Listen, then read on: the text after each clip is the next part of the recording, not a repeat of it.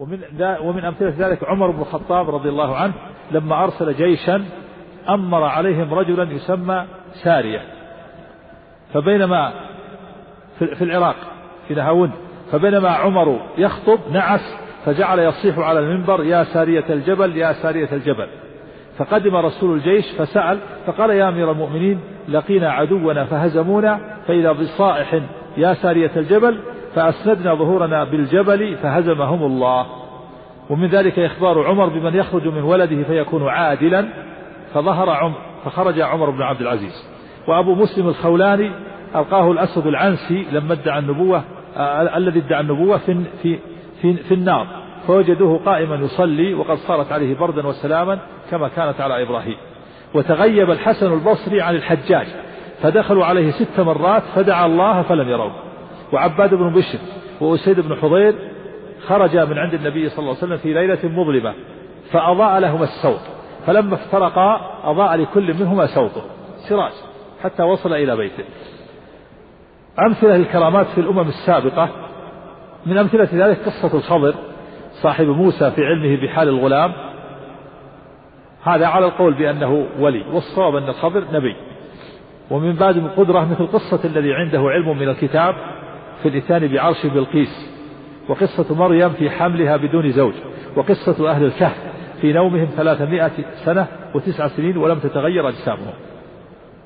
مما ينبغي أن يعلم أن يعلم أن الكرامات قد تكون بحسب حاجة الرجل فإذا احتاج إليها الضعيف الإيمان أو المحتاج أتاه منها ما يقوي إيمانه ويسد حاجته ويكون من هو أكبر ولاية لله منه مستغنيا عن ذلك. فلا يأتيه مثل ذلك لعلو درجته وغناه عنها لا لنقص ولايته. ولهذا كانت هذه الأمور في التابعين أكثر منها في الصحابة بخلاف من يجري على يديه الخوارق لهدي الخلق ولحاجتهم فهؤلاء أعظم درجة. ويدخل في في الكشف الفراسة. الفراسة نوع من الكشف. والفراسة تتنوع إلى ثلاث أنواع عند العلماء ثلاث أنواع. الفراسة خارق من خوارق العادة وهي من باب الكشف عن طريق العلم فهي داخلة في أحد نوعي الخارق الكشف والتأثير وهي استدلال ومعرفة وتفرس في الشيء وأنواعها ثلاثة الفراسة كم نوع؟ ثلاث أنواع فراسة إيمانية وفراسة رياضية وفراسة خلقية. الأولى الفراسة الإيمانية تعريفها وحقيقتها هي خاطر يهجم على القلب يثب عليه كوثوب الأسد على الفريسة. ومنه اشتقاقها فاشتقاق الفراسة من الفريسة. خاطر يهجم على القلب يثب عليه وثوب الأسد على الفريسة. فتكشف فتكشف أمرا بغير الطريق العادي. ومنه ما كان في عمر في عمر بن الخطاب رضي الله عنه لقول النبي صلى الله عليه وسلم إن يكن في أمتي محدثون يعني ملهمون فعمر بن الخطاب منهم. كإخباره عمر بمن يخرج من ولده فيكون عادلا فكان عمر بن عبد العزيز. وسببها سبب هذا هذا النوع من الفراسة نور يقذفه الله في قلب عبده أي نور الإيمان والعمل الصالح. وهذه الفريسة وهذه الفراسة تتفاوت على حسب قوة الإيمان. فمن كان أقوى إيمانا كان أحد فراسة. قال أبو سليمان الداراني رحمه الله الفراسة مكاشفة النفس ومعاينة الغيب وهي من مقامات الإيمان. حكم هذا النوع من الفراسة حكمها أنها من مقامات الإيمان وهي خاصة بالمؤمن وهي محمودة. هذا النوع الفراسة الإيمانية. من مقامات الإيمان وهي خاصة بالمؤمن وهي محمودة. النوع الثاني فراسة الرياضية تعريفها وحقيقتها هي كشف للأحداث يكسبه المرء بسبب تجوعه وتجرده عن العوائق. وسببها البعد عن الشهوات والعزلة عن الناس. فهي تحصل بالجوع والسهر والتخلي. فإن النفس إذا تجردت عن العوائق صار لها من الفراسة والكشف بحسب تجردها. حكمها هذه الفراسة مشتركة بين المؤمن والكافر. لا تدل على محمدة ولا مذمة ولا تدل على إيمان ولا على ولاية ولا تكشف عن حق نافع ولا عن طريق مستقيم. بل كشفها من جنس فراسة الأولياء وأصحاب تعبير الرؤيا والأظنة جمع ظنين وهو كثير الأوهام. وأكثر ما تكون عند الفلاسفة والصوفية. فأحيانا يعملونها يعملون الجوع والعطش للعلاج وللتخلص من كثرة الأخلاط الموجودة في البدن والبلغم فينظم أكله ليصح بدنه. مثل ما يسمى عندنا رجيم اللي يسمونه هذا داخل في هذا النوع. وأحيانا يستعملونه للتجرد من الهوى والعزلة عن الناس. النوع الثالث فراسة خلقية. فراسة خلقية وهي التي صنف فيها الأطباء. ونحوهم تعريفها وحقيقتها هي الاستدلال بالخلق الموجود على خواص هذا الخلق. فيستدلون بالخلق على الخلق. لما بينهما من الارتباط الذي اقتضته حكمة الله. من أمثلة ذلك يستدلون كالاستدلال بصغر الرأس الخارج عن العادة على صغر العقل. وبكبر الرأس على كبر العقل. وبسعة الصدر على سعة الخلق. وبضيقه على ضيقه. ويستدلون بطول الرقبة على الحماقة وبقصرها على الغباوة ويستدلون بجمود العينين وكلال نظرهما على بلادة صاحبهما وضعف حرارة قلبه ونحو ذلك. سببها سبب هذه النوع التجارب وقوة الملاحظة. التجارب وقوة الملاحظة. حكم حكمها دائرة بين المدح والذم وليست خاصة بالمؤمن. عامة. كالثانية. فالأولى الفراسة الأولى محمودة والثانية والثالثة تدور بين المدح والذم. وعلى كل حال فالخوارق خوارق العادة يجريها الله على يد المؤمن والكافر. لكن الضابط الفرق بين الكرامة والحالة الشيطانية إن كان الذي جرت على يديه نبي هذه تسمى معجزة عند المتأخرين. وإن كان الذي جرى على يديه الخالق صالح مؤمن تقي تابع للنبي تسمى كرامة. وإن كان الذي جرى على يديه منحرف كافر أو فاسق فهذه حالة شيطانية مثل ما يجري على أيدي السحرة والكهان وما يجري على أيدي المسيح الدجال في آخر الزمان. نعم.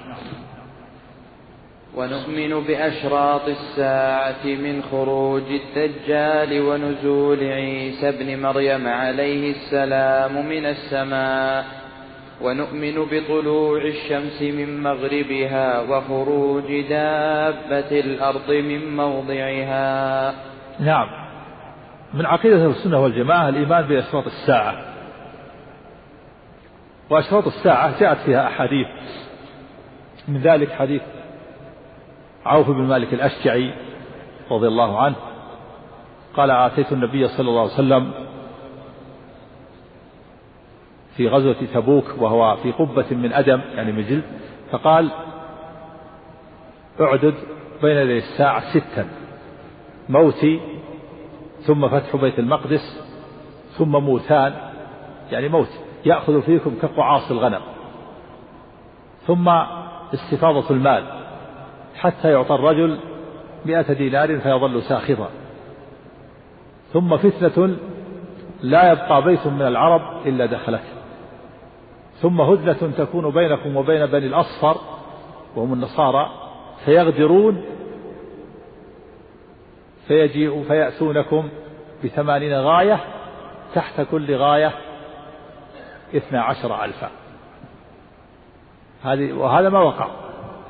وهي صلح بين المسلمين وبين وبين النصارى ثم يغدر النصارى ويأتون ثمانين غاية. غاية الراية. وتحت كل غاية اثنا عشر ألف. اضرب اثنا عشر ألف في ثمانين. هذا لعله يقع في آخر الزمان قبل الدجال. ومن ذلك من ذلك أيضا ما ثبت في الحديث الصحيح أن النبي صلى الله عليه وسلم أن النبي صلى الله عليه وسلم طلع على بعض الصحابة وهم يتذاكرون الساعة فقال ما تذاكرون؟ قال قلنا نذكر الساعة. قال إنها لن تقوم حتى تروا قبلها عشرا. وذكر منها الدخان والدجال والدابة وطلوع الشمس من مغربها وخروج يأجوج ومأجوج وثلاثة خسوف خسف بالمشرق وخسف بالمغرب وخسف بجزيرة العرب. وآخر ذلك نار تخرج من من اليمن تطرد الناس إلى محشرهم. ومن ذلك حديث الدجال التي جاءت كقوله صلى الله عليه وسلم لما ذكر الدجال ذكر الدجال وقال لا يخفى عليكم إن ربكم ليس بأعور وأشار إلى عينه. وإن المسيح الدجال أعور عين اليمنى كأن عينه عنبة طافية. استدل العلماء بهذا الحديث على إثبات العينين لله عز وجل. ومن ذلك قوله صلى الله عليه وسلم ما من نبي إلا أنذر أمته المسيح الدجال.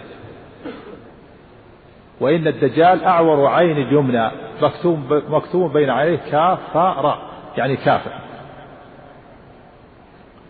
ومن ذلك قوله صلى الله عليه وسلم والذي نفسي بيده ليوشكن أن ينزل فيكم ابن مريم حكما مقسطا فيكسر الصليب ويقتل الخنزير ويضع الجزية ويفيض المال حتى لا يقبله أحد حتى لا يقبله أحد حتى تكون السجدة خير من الدنيا وما فيها.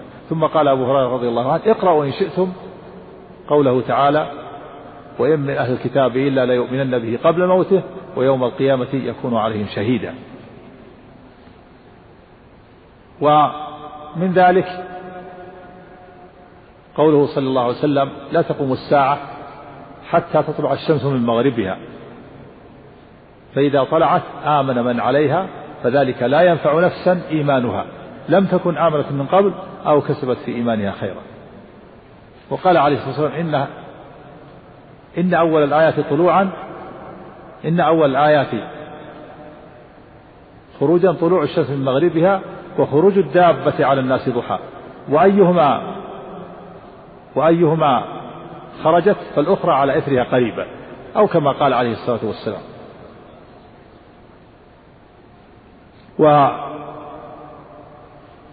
والأمارات والأشراط كثيرة فهذه ف من الأمارات التي ذكرت في هذه الحديث التي ذكرنا موت الرسول صلى الله عليه وسلم وفتح بيت المقدس وداء بسببه يفشو الموت واستفاضة المال وفتنة لا يبقى بيت من العرب إلا دخلته وهدنة بين المسلمين وبين النصارى ثم غدر النصارى وخروج الدجال وظهور الدخان وخروج دابة الأرض وطلوع الشمس من مغربها ونزول عيسى بن مريم وخروج يأجوج ومأجوج ووقوع ثلاثة خسوف. خصم بالمشرق وخصم بالمغرب وخصم من جزيرة العرب. وظهور نار تخرج من اليمن تطرد الناس إلى محشرهم. والأحاديث التي اختلفت في تعداد الأمارات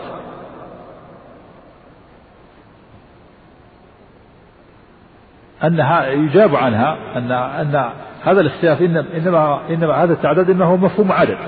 ولا مفهوم له في ذو الحصر بل هذه أمثلة.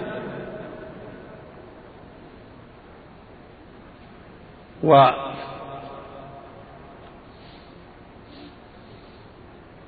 وأما قوله صلى الله عليه وسلم إن إن أول الآية خروجا طلوع الشمس من مغربها فإن المراد أول الآيات القريبة أول الآيات أول الآيات القريبة الكبرى التي هي قريبة من الساعة والتي ليست مألوفة طلوع الشمس من مغربها وخروج الدابة على على الناس ضحى فطلوع الناس من مغرب طلوع الشمس من مغربها على خلاف عادتها المألوفة أول الآيات السماوية. كما أن خروج الدابة أول الآيات الأرضية. وإلا فإن الدجال وخروج المهدي والدجال ونزول عيسى وخروج يأجوج ومأجوج هذا يكون قبل طلوع الشمس من مغربها وقبل الدابة. إلا أن كل ذلك أمور مألوفة لأنهم بشر مشاهدة مثلهم مألوفة. بخلاف طلوع الشمس من مغربها فإنها على خلاف عادتها المألوفة وكذلك الدابة ومخاطبتها للناس ووصفها إياهم بالإيمان أو الكفر أمر خارج عن مجال العادات. كذلك رفع القرآن من الصدور ومن المصاحف. أقسام أشراط الساعة وأماراتها. العلماء يقسمون أشراط الساعة وأماراتها إلى ثلاثة أقسام. قسم ظهر وانقضى وهي الأمارات البعيدة. وقسم ظهر ولم ينقضي بل لا يزال في ازدياد حتى إذا بلغ الغاية ظهر وقسم ثالث وهي الأمارات القريبة الكبيرة التي تعقبها الساعة فإنها تتتابع كنظام خرزات انقطع سلكها. فالأولى التي ظهرت ومضت من منها من أمثلة بعثة النبي صلى الله عليه وسلم. فإنه نبي الساعة قال يا صلى بعثت أنا والساعة كهاتين.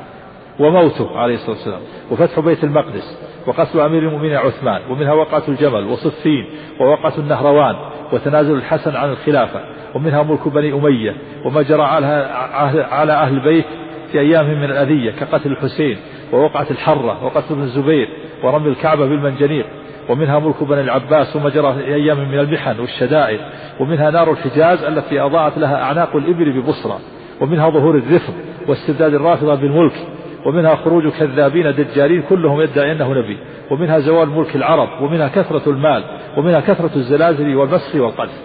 كل هذه من أشراط الساعة التي مضت. وانتهت الثانية الأمارات الوسطى الأمارات المتوسطة وهي التي ظهرت ولم تنقضي بل تزيد وتكثر وهي كثيرة جدا. منها كون أسعد الناس بالدنيا لكع ابن لكع وهو العبد الأحمق اللئيم. في قوله عليه الصلاة والسلام لا تقوم الساعة حتى يكون أسعد الناس بالدنيا لكع ابن لكع أي حتى يكون اللئام والحمقى ونحوهم رؤساء الناس. ومنها أن يرى الهلال ساعة يطلع فيقال لليلتين لانتفاخ الأهلة أي عظمها. ومنها إماتة الصلاة. ومنها إضاعة الأمانة. ومنها أكل الربا. ومنها قطع الأرحام. ومنها كثرة الطلاق. ومنها موت الفجأة. ومنها كون المطر قيضا والولد غيظا ومنها علو علو أصوات الفسقة في المساجد ومنها اتخاذ القينات والمعازف ومنها شرب الخمور في الطرقات ومنها اتخاذ القرآن مزامير ومنها كثرة الشرط الشرط وغيرها كثير. الثالث القسم الثالث من أشراط الساعة العلامات العظام والأشراط الجسام التي تعقبها الساعة مباشرة وهي مشبهة بال بالعقد الذي إذا انقطع تتابع تتابع الخرز. أولها أن يظهر الإمام محمد المهدي وهو رجل من سلالة فاطمة بنت النبي صلى الله عليه وسلم. اسمه كاسم النبي صلى الله عليه وسلم. وكنيته كنيته. محمد بن عبد الله المهدي. وقد جاءت أحاديث في المهدي. أحاديث فيها أحاديث صحيحة وأحاديث حسنة وأحاديث ضعيفة وأحاديث موضوعة. لكن الأحاديث فيها ثابتة وهو أنه رجل يخرج في آخر الزمان آه، يبايع له بين الركن والباب. في وقت ليس يكون لا, لا ليس للناس فيه إمام. المهدي ما يقاتل الناس. يقاتل يلزم بالإمامة وهو لا يريدها.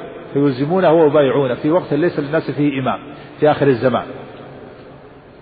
وفي زمانه يخرج الدجال. في زمانه يخرج الدجال. في زمان المهدي. في زمانه تحصل الحروب والفتن. يحصر الناس في في الشام.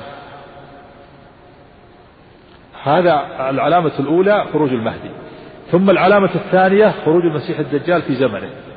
جاء في الحديث أن أن خروج الدجال يكون بعد فتح القسطنطينية كما في الصحيح في مسلم وغيره أنها أنه يحصل مقتلة عظيمة أنه يحصل تفتح القسطنطينية ويعلق الناس سيوفهم بالزيتون. فإذا انتهت المعركة نادى الشيطان إن الدجال قد خلفكم في أهلكم فيخرجون فيذهبون فيجدون الدجال قد خرج. وفي وقت مرة أخرى نادى الشيطان مرة في غزوة من الغزوات وكان كاذبا. ثم العلامة الثالثة ينزل المسيح عيسى بن مريم. في وقت الدجال وفي وقت المهدي. في ثلاث علامات متوالية مرتبة فإذا نزل عيسى بن مريم المسيح مسيح الهدى قاتل مسيح الضلالة هو الدجال. ثم العلامة الرابعة خروج يأجوج ومأجوج في زمن عيسى. هذه علامات أربع متوالية. مرتبة المهدي ثم الدجال ثم نزول عيسى ثم خروج يأجوج ومأجوج. ثم بعد ذلك تتوالى بقية بقية الأشرار. وهدم الكعبة المشرفة يهدمها رجل من الحبشة. يقول النبي صلى الله عليه وسلم دقيق الساقين كأني أنظر إليه أصيلع وفيرع. ينقضها حجرا حجرا فيلقيها في البحر. ثم أيضا آية الدخان وهي دخان قبل قيام الساعة يدخل في أسماع الكفار والمنافقين ويعتري ويصيبهم شدة عظيمة ويعتري المؤمن كهيئة الزكام. قال تعالى فارتقب يوم تأتي السماء بدخان وفي الحديث إنها لن تقوم حتى تروا قبلها عشرا فذكر منها الدخان ومنها رفع القرآن العظيم من الصدور ومن السطور وهي من أشد المعضلات. في آخر الزمان إذا ترك الناس العمل بالقرآن نزع من صدور الرجال ومن المصاحف. فيصبح الناس لا يجدون في صدورهم آية ولا في مصاحفهم آية نعوذ بالله. هذه غير مرتبة الله أعلم بترتيبها وهي هدم الكعبة والدخان ورفع القرآن. ثم طلوع الشمس من مغربها هذه من العلامات الأخيرة. طلوع الشمس من مغربها فإذا طلعت الشمس آمن الناس ولكن ليس هناك إيمان جديد. ما ينفع الإيمان. أغلق باب التوبة. كل يبقى على ما كان عليه. ثم خروج الدابة الأرض. يبتسم الناس في جباهها. فالمؤمن نقطة بيضاء في جبهته حتى يبيض لها وجهه والكافر نقطة سوداء حتى يسود لها وجهه. والدابة وطلوع الشمس من مغربها متقاربتان. أيهما ما ظهرت فالأخرى على أثرها قريبا ثم بعد ذلك يبقى الناس مدة يعرف المؤمن من الكافر ويتبايع الناس في أسواقهم. خذ هذا يا مؤمن بع هذا يا كافر. الذي بيض وجهه هذا مؤمن والذي اسود وجهه هذا كافر. وأغلق باب التوبة طلعت الشمس من مغربها وليس هناك إيمان جديد. فيتبايع الناس يأخذ هذا يا مؤمن بعد هذا يا كافر. بيعون ويشتروا معروف المؤمن من الكافر. ثم آخرها العلامة العاشرة خروج النار التي تخرج من قعر عدن تسوق الناس إلى المحشر. وتبيت معهم إذا باتوا وتقيل معهم إذا قالوا. المعنى إذا جاء وقت القيلولة وقفت حتى يقيل الناس. فإذا انتهى وقت القيلولة تسوقه ومن تخلف تأكله. فإذا جاء وقت النوم المبيت تقف حتى ينام الناس. فإذا أصبح الناس تسوقهم إلى المحشر. ومن تخلف أكلته. نعم. نعم. المحشر أرض فلسطين. سم. ولا نصدق كاهنا ولا عرافا ولا من يدعي شيئا يخالف الكتاب والسنة وإجماع الأمة. نعم. لا نصدق الساحر ولا الكاهن ولا العراف ولا من يخالف إجماع الأمة. من عقيدة المؤمن أنه لا يصدق السحرة ولا الكهنة ولا العرافين من هو الكاهن والعراف والمنجم الكاهن هو الذي يدعي علم المغيبات في المستقبل. يقال له كاهن. يدعي علم الغيب في المستقبل أو يخبر عما في الضمير ويكون له رأي من الجن. يأتيه ويخبره. يقال له كاهن. يدعي الغيب عن طريق هذا الرأي الذي يخبره. والعراف هو الذي يدعي معرفة ما في الضمير أو الذي يدعي معرفة المسروق ومكان الضالة. يدعي علم الغيب يدعي أنه يعرف المسروق ومكان الضالة ويدعي الغيب يدعي معرفة ما يعرف يد إما يدعي أنه قيل هو من يدعي معرفة ما في ضميرك ولا نعرف ما في ضميرك. هذا دعوة الغيب. أو يعرف مكان المسروق. ومكان الضالة بغير بغير يعني سبب معروف. القائف الذي يعرف القيافة أو, أو الذي يعرف الأثر هذا لا يدخل في هذا. لكن هذا بغير يدعي علم الغيب عن طريق يعرف مكان المسروق ومكان الضال والمنجم يدعي علم الغيب عن طريق معرفة النجوم ويستدل بالأحوال الفلكية على الحوادث الأرضية. والساحر هو الذي يعقد عقد وينفث فيها مستعينا على ما يريد بالشياطين. وكل من الكاهن والعراف والمنجم والساحر كلهم كفرة إذا كانوا يدعون الغيب. لكن طرقهم متعددة. يجمعهم شيء واحد وهو أنهم يدعون الغيب. أو يتكلمون فيها ولو بالتخويل أو بالتخمين. فالذي يدعي معرفة المستقبل ما في المستقبل والذي يضرب بالرمل والذي يضرب يخط في الرمل والذي يضرب بالحصى والذي يكتب أبجد هوز والذي يدعي معرفة النجوم والذي يستخدم الجن والذي يفتح الكتاب ويحضر الجن فكل هؤلاء إذا كانوا يدعون الغيب فهم كفرة. كل من عنده وسائل بها يدعي معرفة المغيبات كليا أو جزئيا فهو كاهن وعراف وساحر. السحر في اللغة عبارة عما دق وخفي ولطف سببه الشيء الخفي. ومنه سمي السحر سحرا لأنه يقع خفيا آخر الليل. ومنه قوله صلى الله عليه وسلم إن من البيان لسحرا فسمى الكلام الفصيح سحر. ومن ذلك النمام الذي يظهر النصح ويبطل الشر والفساد ويوقع بين الناس العداوة. يسمى يسمى سمي في الحديث من السحر نوع من السحر. ألا أنبئكم بالعظ هي النميمة القالة بين الناس. وأما السحر شرعا واصطلاحا فهو عزائم ورقى وعقد تؤثر في القلوب والأبدان فتمرض وتقتل وتفرق بين المرء وزوجه. فإذا الساحر هو الذي يعقد عقد وينفث فيها مستعينا على الوصول إلى ما يريد بالشياطين.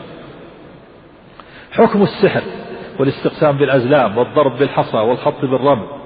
حكم السحر بالإقدام عليه تعلما وتعليما وفعلا محرم بالاتفاق.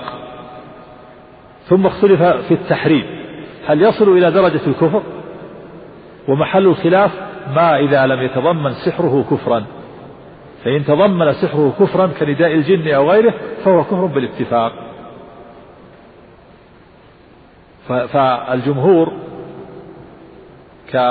كمالك وأبي حنيفة وأحمد يقولون الساحر كافر مطلقا. يقول الساحر كافر ويستدلون بقوله تعالى إنما نحن فتنة فلا تكفر.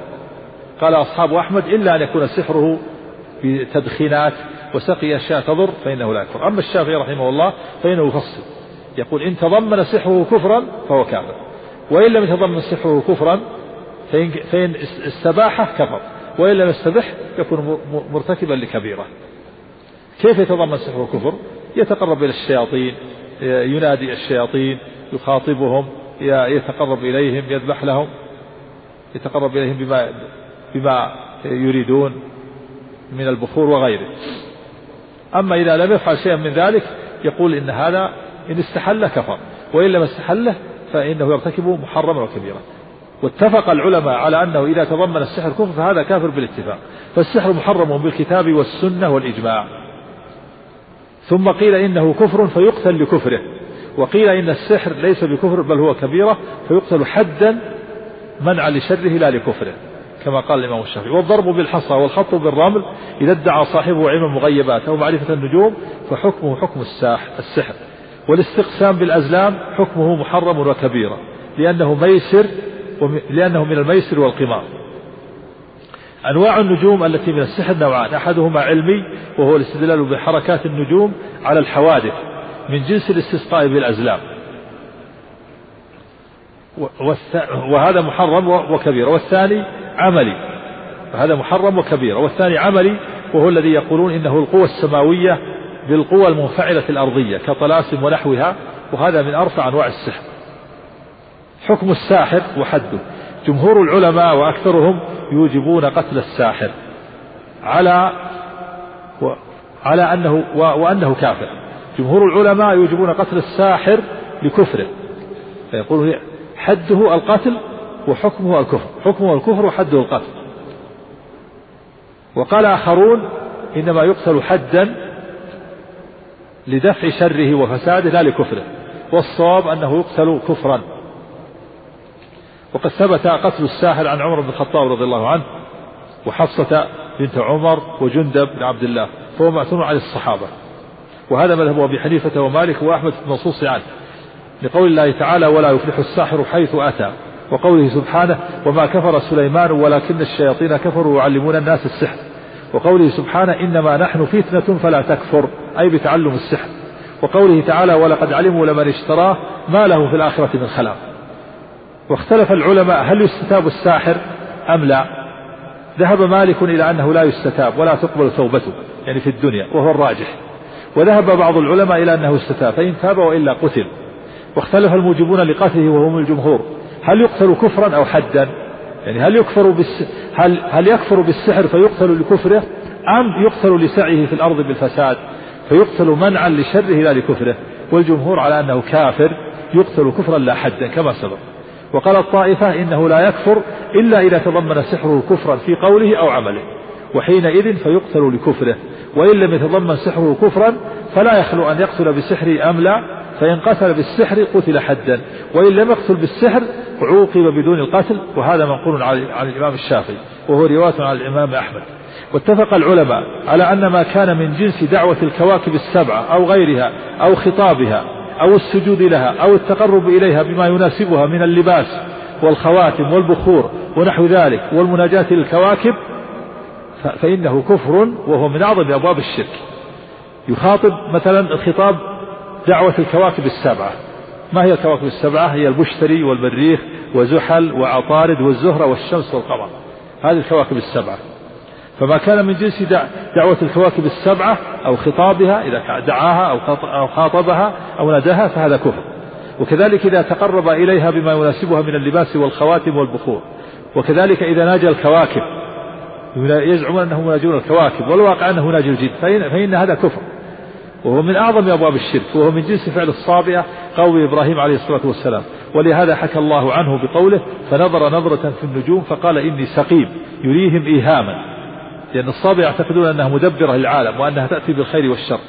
واتفق العلماء على أن كل رقية وتعزيم وتعزيم وقسم فيه شرك بالله فإنه لا يجوز التكلم به وإن أطاعته به الجن أو غيرهم. وكذلك كل كلام فيه كفر لا يجوز التكلم به وكذلك الكلام الذي لا يعرف معناه لا يتكلم به. بإمكان أن يكون فيه شرك لا يعرف. ولذلك قال النبي صلى الله عليه وسلم لا بأس بالرقى ما لم تكن شركا. ولا يجوز الاستعاذة بالجن. فقد ذم الله الكافرين على ذلك فقال وأنه كان رجال من الإنس يعوذون برجال من الجن فزادوهم رهقا. وقد أخبر الله عن الذين يزعمون أنهم يدعون الملائكة ويخاطبونهم بهذه العزائم أنهم ضالون. وإنما وإنما تنزل عليهم الشياطين لا الملائكة. في قوله عز وجل ويوم يحشرهم جميعا. ثم يقول للملائكة أهؤلاء إياكم كانوا يعبدون. قالوا سبحانك أنت ولينا من دونهم بل كانوا يعبدون الجن أكثرهم بهم مؤمنون. كما أخبر أن كل من الجن والإنس يستمتع بالآخر في قوله ويوم يحشرهم جميعا يا معشر الجن قد استكثرتم من الإنس. وقال أولياؤهم من الإنس ربنا استمتع بعضنا ببعض. فاستمتاع الإنس بالجن في قضاء حوائجه. وامتثال أمره وإخباره بشيء من المغيبات واستمتاع الجن بالإنس في تعظيمه إياه واستعانته به واستغاثته وخضوعه له أي يعني بالشركيات التي حمله عليها. حكم حلوان الكاهن وما تعاطاه المنجم والضارب بالحصى والذي يخط بالرمل وصاحب الأزلام التي يستقسم بها. الأجرة التي يعطاها. ما تعاطاه هؤلاء حرام وسحت كما في الصحيح ثمن الكلب خبيث ومهر البغي خبيث وحلوان الكاهن خبيث. ويدخل في حلوان الكاهن ما يتعاطاه هؤلاء. حلوان الكاهن يعني أجرته على الكهان. سمي حلوانا لأنه يأخذه حلوا بدون مشقة. أما حكم فعلها فقد حكى الإجماع على تحريمه غير واحد. كالبغوي والقاضي عياض وغيرهم. حكم الإتان للسحرة وسؤالهم وتصديقهم. إن كان على وجه التصديق لهم في كل ما يخبرون به والتعظيم للمسؤول فهو حرام. الاتيان إلى السحرة والكهنة. دليل ذلك ما ثبت في صحيح مسلم وغيره عن معاوية بن الحكم السلمي قال قلت يا رسول الله أمورا كنا نصنعها في الجاهلية. كنا نأتي الكهان. قال فلا تأتوا الكهان. وفي صحيح مسلم عن النبي صلى الله عليه وسلم أنه قال من أتى عرافا فسأله عن شيء لم تقبل له صلاة أربعين يوما. وفي حديث أبي هريرة رضي الله عنه من أتى عرافا أو كاهنا فصدقه بما يقول فقد كفر بما أنزل على محمد. وأما إن كان يسأل المسؤول ليمتحن حاله ويختبر باطن أمره وعنده ما يميز به صدقه من كذبه فهذا جائز. كما في كما ثبت في الصحيحين النبي أن النبي صلى الله عليه وسلم سأل ابن صياد فقال ما يأتيك؟ فقال يأتيني صادق وكاذب. قال ما ترى؟ قال أرى عرشا على الماء. قال فإني قال فإني قد خبأت لك خبيئا. قال الدخ قال اخسأ فلن تعدو قدرك فإنما أنت من إخوان الكهان وكذلك إذا كان يسمع ما يقولون ويخبرون به عن الجن كما يسمع المسلمون ما يقول الكفار والفجار ليعرفوا ما عندهم فيعتبروا به وكما يسمع خبر الفاسق ويتبين ويتثبت فلا يجزم بصدقه ولا كذبه إلا ببينة كما قال تعالى إن جاء يا أيها الذين آمنوا إن جاءكم فاسق بنبأ فتبينوا. وكما في الحديث إذا حدثكم أهل الكتاب فلا تصدقوهم ولا تكذبوهم. فقد جاز للمسلمين سماع ما يقولونه ولم يصدقوهم ولم يكذبوهم. حكم طلب السقيا بالنجم ونسبة الأحداث إليها وحكم من قال مطرنا بنوء كذا وكذا. طلب السقيا بالنجم لا يجوز وهو من عمل أهل الجاهلية. ففي الحديث أربع في أمتي من أمر الجاهلية لا يتركونهن الفخر بالأحساب والطعن في الأنساب والاستسقاء بالنجوم والنياحة. ونسبة الأحداث إلى النجم وطلب الاستسقاء به وقول مطرنا بنوء كذا وكذا إن كان يعتقد أنه عند ذلك النجم يحصل المطر فهذا كفر أصغر. وإن كان يعتقد أن له تأثيرا أن للنجم تأثيرا في إزال المطر فهذا كفر أكبر يخرج من الملة. دليل ذلك ما في الصحيحين عن زيد بن خالد رضي الله عنه قال خطبنا رسول الله صلى الله عليه وسلم على إثر سماء على إثر سماء كانت من الليل. فقال أتدرون ماذا؟ قال ربكم الليلة. قلنا الله ورسوله أعلم. قال قال أصبح من عبادي مؤمن بي وكافر. فأما من قال مطرنا بفضل الله ورحمته فذلك مؤمن بي كافر بالكوكب. وأما من قال مطرنا بنوء كذا وكذا فذلك كافر بي مؤمن بالكوكب. صناعة التنجيم وحكمها مع الدليل. صناعة التنجيم التي مضمونها الإحكام والتأثير وهي الاستدلال بالأحوال الفلكية على الحوادث الأرضية كالاستدلال بها على موت عظيم أو ولادة عظيم أو قيام أمة أو تولي ملك أو عزل ملك حكمها صناعة محرمة بالكتاب والسنة بل هي محرمة على لسان جميع المرسلين. الدليل قول الله تعالى ولا يفلح الساحر حيث أتى والتنجيم من السحر. وقال تعالى ألم تر إلى الذين أوتوا نصيبا من الكتاب يؤمنون بالجبت والطاغوت ويقولون للذين كفروا هؤلاء أهدى من الذين آمنوا سبيلا أولئك الذين لعنهم الله ومن يلعن الله فلن تجد له نصيرا قال عمر الجبت السحر وهذا تفسير بالبعض لأن الجبت كل ما لا خير فيه ومنه السحر فهو جزء منه. الواجب على ولاة الأمور تجاه المنجمين والكهان والعرافين وأصحاب الضرب بالرمل والحصى. الواجب على ولاة الأمور من الحكام والعلماء وكل قادر السعي في إزالة هؤلاء ومنعهم من الجلوس في الحوانيت والطرقات والدخول على الناس في منازلهم. لذلك أما الحكام فبإبادتهم وإزالتهم وأما العلماء فبمنعهم وإزالتهم إن قدروا. وإلا فببيان باطلهم ودجلهم للناس وتحذير الناس منهم والجلوس عندهم والاستماع لهم. وأما غيرهم فبالنصح وتجنب فعلهم لأن هذا من المنكر العظيم فيجب إنكاره.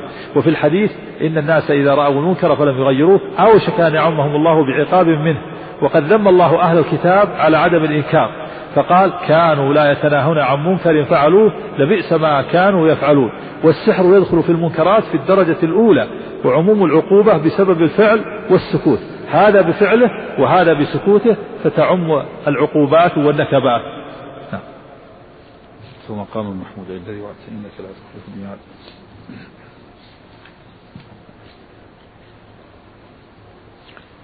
النزاع نزاع العلماء في حقيقة السحر وأنواعه. هل للسحر حقيقة مؤثرة أم هو ضرب من الخيال؟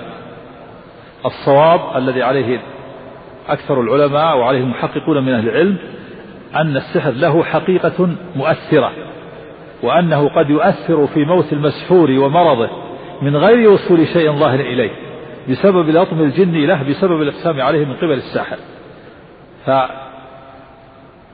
فالجن فالساحر يقسم على الجن والجن يقسم يلطم المسحور فيمرض أو أو يقتل.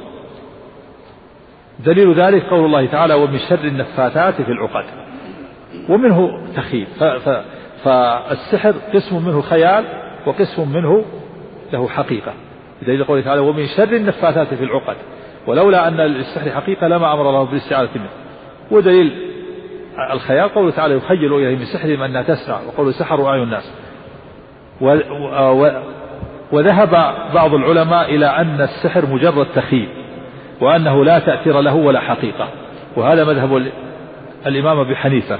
وإليه ذهب الجصاص في كتاب الإحكام.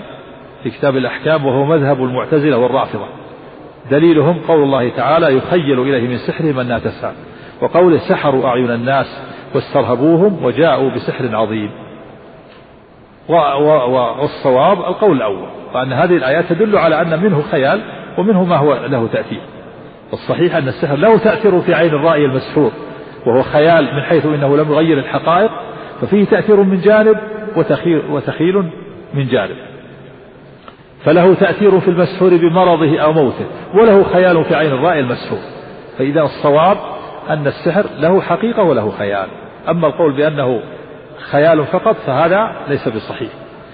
والنشرة هي حل السحر عن المسحور وحكمها تنقسم إلى قسمين. قسم حرام وقسم مباح. فالنشرة حل السحر وهي نوعان. أولا حل السحر بسحر مثله فهذا لا يجوز. وهو من عمل الشيطان لقوله صلى الله عليه وسلم لا يحل السحر إلا ساحر. وقوله النشرة من عمل الشيطان. ثانيا حل, حل السحر بأدوية ودعوات مباحة فهذا جائز. أنواع المشعوذين الذين يفعلون هذه الأفعال الخارجة عن الكتاب والسنة ثلاثة أنواع. النوع الأول أهل تلبيس وكذب وخداع وهم يعلمون ذلك. الذين يظهر أحدهم طاعة الجن له أو يدعي الحال من أهل المحال من المشايخ النصابين الخداعين والفقراء الكاذبين والطرقية المكارين. هؤلاء يدعون السحر ويأكلون أموال الناس بالباطل. ما ما وجد مهنة فتح محل وقال إنه يعالج الناس. فكل من أتاه يأتي له بأنواع من الأصفار. هذا تدهن به وهذا اشربه وهذا استنشقه وهذا كذا ويأكل أموال الناس بالباطل.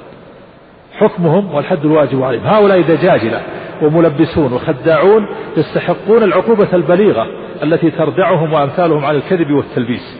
وقد يكون في هؤلاء من يستحق القتل كمن يدعي النبوة بمثل هذه الخزعبلات أو يطلب تغيير شيء من الشريعة ونحو ذلك. النوع الثاني من يتكلم في هذه الأمور ويعمل الشعوذة من تحضير الجن وغيرها على سبيل الجد والحقيقة. ويعتقد لها ويعتقدون لها التأثير. حكمهم والحد الواجب عليهم. هؤلاء سحرة وسبق بيان حكم الساحر وأن حكمه وأن حده القتل وأن جمهور العلماء يوجبون قتل الساحر على خلاف بينهم. هل القتل كفرا أو حدا والصواب الذي عليه المحققون أنه أنه كفر وهو الراجح. وبعض العلماء يرى أنه يعاقب أقل من القتل إلا إن قتل بسحره أو تضمن سحره كفرا قولا أو فعلا عوقب بالقتل. النوع الثالث من يتكلم بالأحوال الشيطانية ويدعي الكشوف ومخاطبة رجال الغيب يدعي مخاطبة القطب المتولي للكون وأن لهم خوارق تقتضي أنهم أولياء الله. ومن هؤلاء من من من يساعد المشركين ويعين المشركين على المسلمين في أيام حرب التتار. ويقول إن الرسول أمره بقتال المسلمين مع المشركين لكون المسلمين قد عصوا. حكم هؤلاء هؤلاء في الحقيقة من أخوان الشياطين. والواجب أن يعاقبوا بالعقوبة البليغة التي تردعهم عن فعلهم وقد يجب قتلهم. إذا ثبت أنهم يخاطبون الجن ويستخدمونهم ويعظمونهم بالشركيات وحينئذ فهم كفار يقتلون كفرا. موقف المسلم من أصحاب الأحوال وهل تسلم لهم أحوالهم؟ يقول بعض الناس إن الصوفية تسلم لهم أحوالهم.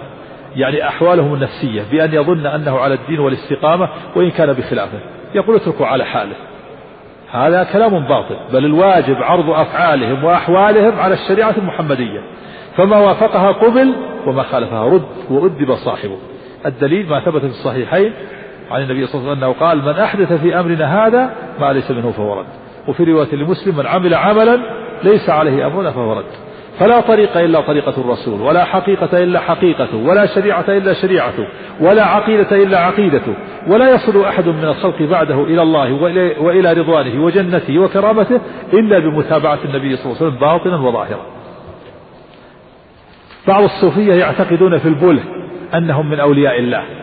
حكم من اعتقد في البله أنه من أولياء البله جمع أبله وهو ضعيف العقل. بعضهم يقول هذا الأبله ضعيف هذا الأبله ولي من أولياء الله اتركه. وبعضهم يقول إن هذا الشخص الذي تجده أبله ضعيف العقل ولا يعرف شيء تجده مخرق الثياب طويل الشعور والأظافر مرمي على زبالة يقول ما تدري لعل هذا قطب يدبر في الكون يدبر الكون أحد الأقطاب أحد الأقطاب هذا قطب يدبر الكون وهو وهو مخرق الثياب ولو كان أبله. من اعتقد في البله وهم المغفلون أو المولعون حرقة من كثرة العبادة أو الرياضة أنه من أولياء الله مع تركه لمتابعة الرسول صلى الله عليه وسلم في أقواله وأفعاله وأحواله أو فضله على متبع طريقة الرسول فهو ضال مبتدع مخطئ في اعتقاده. والسبب في ذلك لأن ذلك الأبلة ضعيف العقل لا يخلو من حالات ثلاث إما أن يكون شيطانا زنديقا وإما أن يكون ملبسا متحيلا وإما أن يكون مجنونا معذورا واحد من ثلاث إما أن يكون شيطانا زنديقا وإما أن يكون ملبسا متحيلا وإما أن يكون مجنونا معذورا. فكيف يفضل على أولياء الله المتبعين لرسوله أو يساوى بهم؟ وبعضهم يسوق حديث اطلعت على الجنة فرأيت أكثر أهلها البله جمع أبله وضعيف العقل. هذا الحديث باطل سندا ومتنا أما سندا فإنه لا يصح عن رسول الله صلى الله عليه وسلم ولا ينبغي نسبته إليه. وأما متنا فإن الجنة إنما خلقت لأولي الألباب الذين أرشدتهم عقولهم وألبابهم إلى الإيمان بالله وملائكته وكتبه ورسله واليوم الآخر. وقد ذكر الله أهل الجنة بأوصافهم في كتابه فلم يذكر في أوصافهم البله الذي هو ضعف العقل. وتصحيح الحديث صواب الحديث. إنما قال النبي صلى الله عليه وسلم اطلعت في الجنة فرأيت أكثر أهلها الفقراء. ولم يقل البله وهذا يرجع إلى أن المال أشد في صرف الإنسان عن الدين وطغيانه من الفقر. الطائفة الملامية طائفة من الصوفية يسمون الطائفة الملامية. الطائفة الملامية والطائفة الذين يصعقون عند سماع الأنغام الحسنة. الملامية طائفة الملامية ثلاثة أنواع تطلق على أنواع. النوع الأول تطلق على الذين لا تأخذهم في الله لومة لائم وهم الذين لا يبالون بلوم اللوم في ذات الله والقيام بأمره والدعوة إليه. وهم الذين قال الله فيهم يجاهدون في سبيل الله ولا يخافون لومة لائم وهؤلاء ممدوحون أبرار. ثانيا النوع الثاني تطلق على التي إذا وقعت في سيئة لامت نفسها وأنبتها. وهذه محمودة أيضا. النوع الثالث تطلق الملامية على الذين يفعلون ما يلامون عليه ويظهرون ما لا يمدحون عليه. وهي التي تخفي فعل الخير والمحامد وتظهر فعل الشر. ويقصدون بذلك مخالفة المرائين وهو من يظهر الخير ويظهر الشر. وهذه الطائفة مذمومة وهم جماعة من الصوفية. لهم طريقة معروفة تسمى طريقة أهل الملامة. يعني تجد الواحد منهم يقول أنا أصلح باطني ولا علي من الظاهر. فتجده يذهب يسرق حتى يلومه الناس ويذمه الناس. يقول أنا باطني باطني صالح لكن ما علي خلى الناس يذمونني ما علي يسرق أمام الناس ويفعل ويفعل أشياء ويزعمون أنهم يحتملون ملام الناس لهم على ما يظهرونه من الأعمال السيئة ليخلص لهم ما يبطنونه من الأحوال. يقول أنا أعمل أشياء في الظاهر يذمني الناس عليها ويلوموني حتى يصلح باطن الرد عليه أن هؤلاء أذلوا أنفسهم وفي الحديث لا ينبغي للمؤمن أن يذل نفسه. ثانيا أن هؤلاء ردوا باطل وهم يقولون نريد أن, أن, أن نخالف المرائي. المرائي يظهر يظهر الخير ويبطل الشر. نحن بالعكس نظهر الشر ونبطل الخير. نقول لهم أنتم رددتم باطل المرائين بباطل آخر والباطل ما يرد بالباطل والصراط المستقيم بين ذلك. حسن في ظاهره كالمرائين وحسن في باطنه كالملامية. حكم الذين يصعقون عند سماع الأنغام الحسنة وهو تصنع ومظاهرة ومخادعة للناس أو ترنح بأن يدور وهو يذكر فيختل عقله ثم يصعق ويسقط. هؤلاء مبتدعون ضالون. إذ ليس للإنسان أن يستدعي ما يكون سبب زوال عقله. ثانيا إن أنه لم يكن في الصحابة والتابعين من يفعل ذلك. ولو عند سماع القرآن وهم خير منا فكيف نصل إلى ما لم يصلوا إليه؟ بل كانوا بل كان الصحابة كما وصفهم الله إذا ذكر الله وجلت قلوبهم وإذا تليت عليهم آياته زادتهم إيمانا وعلى ربهم يتوكلون. وكما قال تعالى الله نزل أحسن الحديث كتابا متشابها مثانية تقشعر منه جلود الذين يخشون ربهم ثم تلين جلود ثم تلين جلودهم وقلوبهم إلى ذكر الله ذلك هدى الله يهدي بمن يشاء. هناك بعض المجانين ذكرهم العقلاء ذكرهم العلماء بخير. الذين ذكرهم العلماء من عقلاء المجانين بخير. هؤلاء قوم كان فيهم خير. ثم زالت عقولهم فيبدر على ألسنتهم أيام الجنون من الكلمات الخيرية في أيام الصحو والواقع أنهم مجانين. ومن علامة هؤلاء أنه إذا حصل في جنونهم نوع من الصحو تكلموا بما كان في قلوبهم من الإيمان ويهتدون بذلك في حال زوال عقلهم. بخلاف من كان قبل جنونه كافرا أو فاسقا لم يكن حدوث جنونه مزيلا لما ثبت من كفره أو فسقه. وكذلك من جن من المؤمنين المتقين يكون محشورا مع المؤمنين المتقين. وما يحصل لبعضهم لبعض الصوفية عند سم... لبعضهم عند سماع الأنغام المطربة من الهذيان والتكلم ببعض اللغات المخالفة للسان المعروف عنه فذلك شيطان يتكلم على لسانه. كما يتكلم على لسان المصروع أو هو دجال يكذب على الناس وذلك كله من الأحوال الشيطانية. بعض الصوفية يظن أن زوال العقل سبب أو شرط يقرب إلى ولاية الله. بعض الصوفية يقول زوال العقل سبب أو شرط يقرب إلى ولاية الله. من يظن هذا الظن فهو من أهل الضلال. حتى قال قائلهم بعض الصوفية يعني يخاطب يعني المجانين هم معشر حلوا النظام وخرقوا السياج فلا فرض لديهم ولا نفل يعني المجانين. هم معشر حلوا النظام وخرقوا السياج فلا فرض لديهم ولا نفل مجانين إلا أن سر جنونهم عزيز على أبوابه يسجد العقل. هذا كلام كلام هذا كلام كلام ضال بل كافر. يظن أن في الجنون سرا يسجد العقل على أبوابه. يقول يعني العقل ما يصل إلا إلى باب المجانين. لما رآه من بعض المجانين من نوع مكاشفة أو تصرف عجيب خارق للعادة. ويكون سبب ذلك ما اقترن به من الشياطين كما يكون للسحرة والكهان. فيظن هذا الضال أن كل من خبل أو خرق العادة كان وليا لله. حكم, حكم من اعتقد هذا فهو كافر. فقد قال الله تعالى هل أنبئكم على من تنزل الشياطين؟ تنزل على كل أفاك أثيب يلقون السمع وأكثرهم كاذبون. فكل من تنزل فكل من تنزل عليه الشياطين لا بد أن يكون عنده كذب وفجور. وزوال العقل بجنون أو غيره. سواء سمي صاحبه مولها أو ولها لا يوجب مزيد حال بل حال صاحبه المجنون ما ما ما عنده زيادة انقطع الأمر وقف العمل بل حال صاحبه من الإيمان والتقوى يبقى على ما كان عليه من خير أو شر لا أنه يزيده أو ينقصه ولكن جنونه يحرمه من الزيادة من الخير كما أنه يمنع عقوبته على الشر ولا يمحو عنه ما كان قبله ولكن جنونه من المصائب التي تكفر بها الخطايا. حكم الذين يتعبدون بالرياضات والخلوات ويتركون الجمع والجماعات. في طائفة يسمون أنفسهم الخلوتية.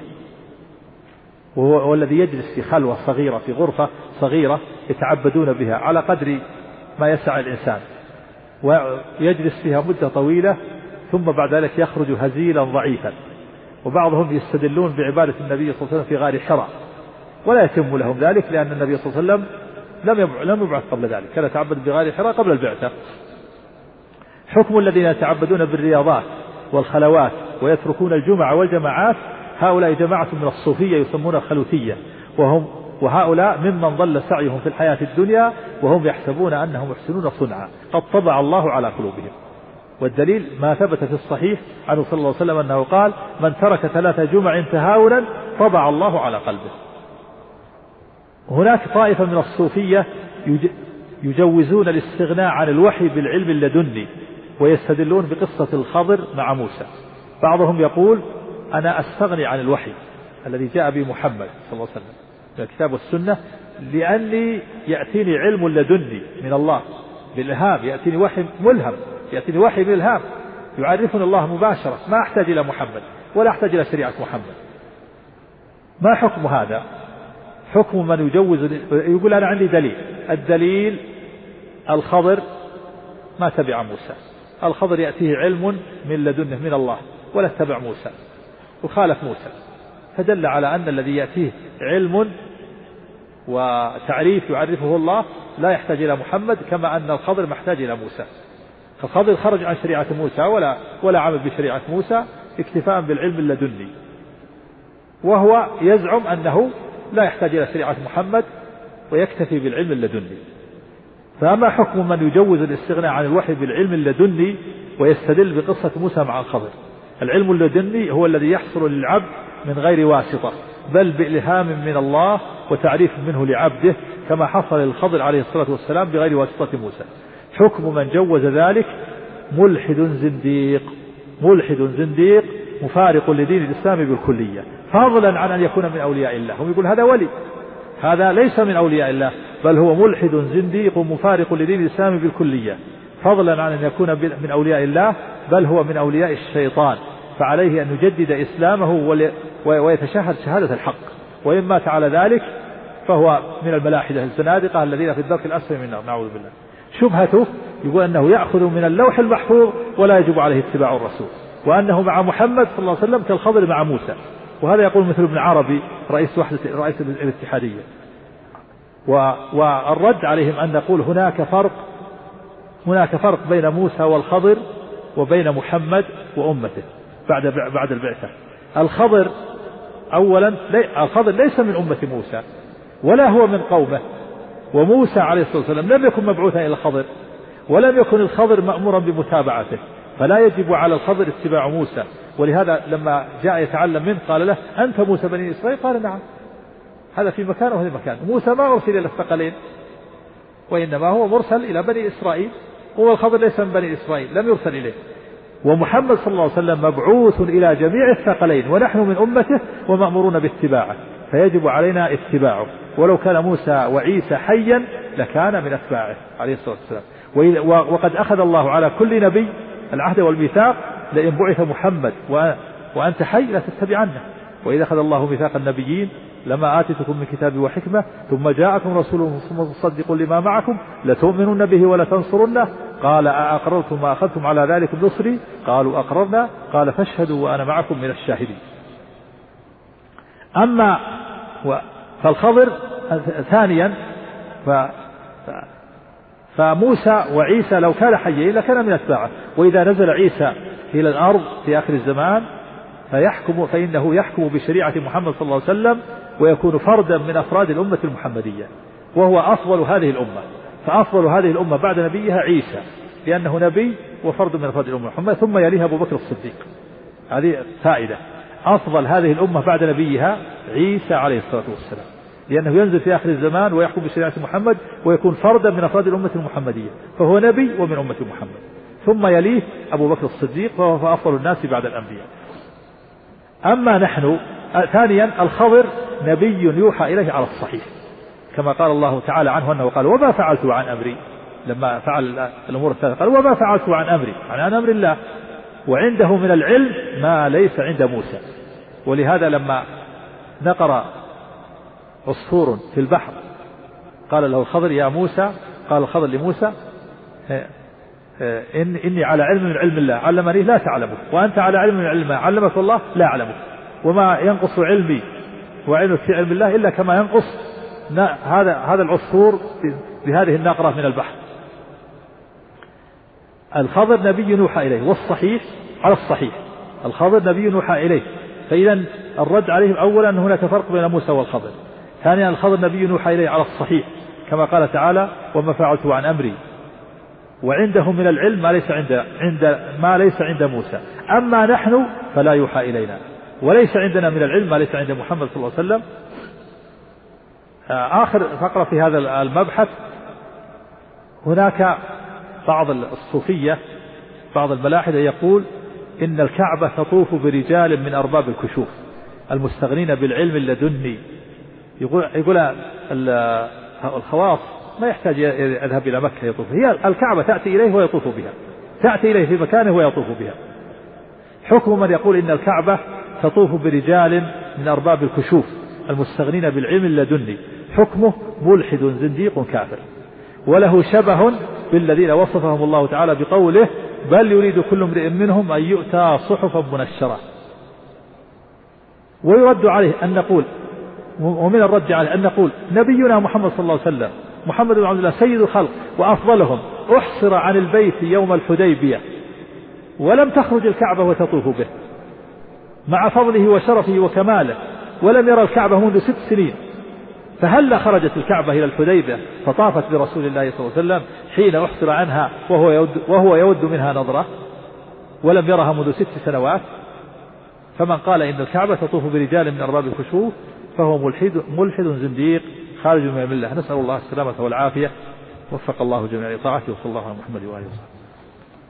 بسم الله الرحمن الرحيم. الحمد لله رب العالمين والصلاة والسلام على أشرف الأنبياء والمرسلين نبينا محمد وعلى آله وصحبه أجمعين. قال الإمام الطحاوي رحمه الله تعالى ونرى الجماعة حقا وصوابا والفرقة زيغا وعذابا. بسم الله الرحمن الرحيم. الحمد لله رب العالمين والصلاة والسلام على نبينا محمد وعلى آله وصحبه أجمعين. قال الطحاوي رحمه الله تعالى ونرى الجماعة حقا والصواب والفرقة زيغا وعذابا. يعني نعتقد أن الجماعة حق وأنه يجب على الأمة أن تجتمع على الحق وعلى إمام واحد وأن يتبعوا ما جاء في كتاب الله وسنة رسوله صلى الله عليه وسلم. وأن يعتصموا بحبل الله كما قال سبحانه واعتصموا بحبل الله جميعا ولا تفرقوا. وقد ذم الله تعالى الاختلاف والتفرق. فالحق على على الأمة الإسلامية أن تجتمع وهذا هو الصواب.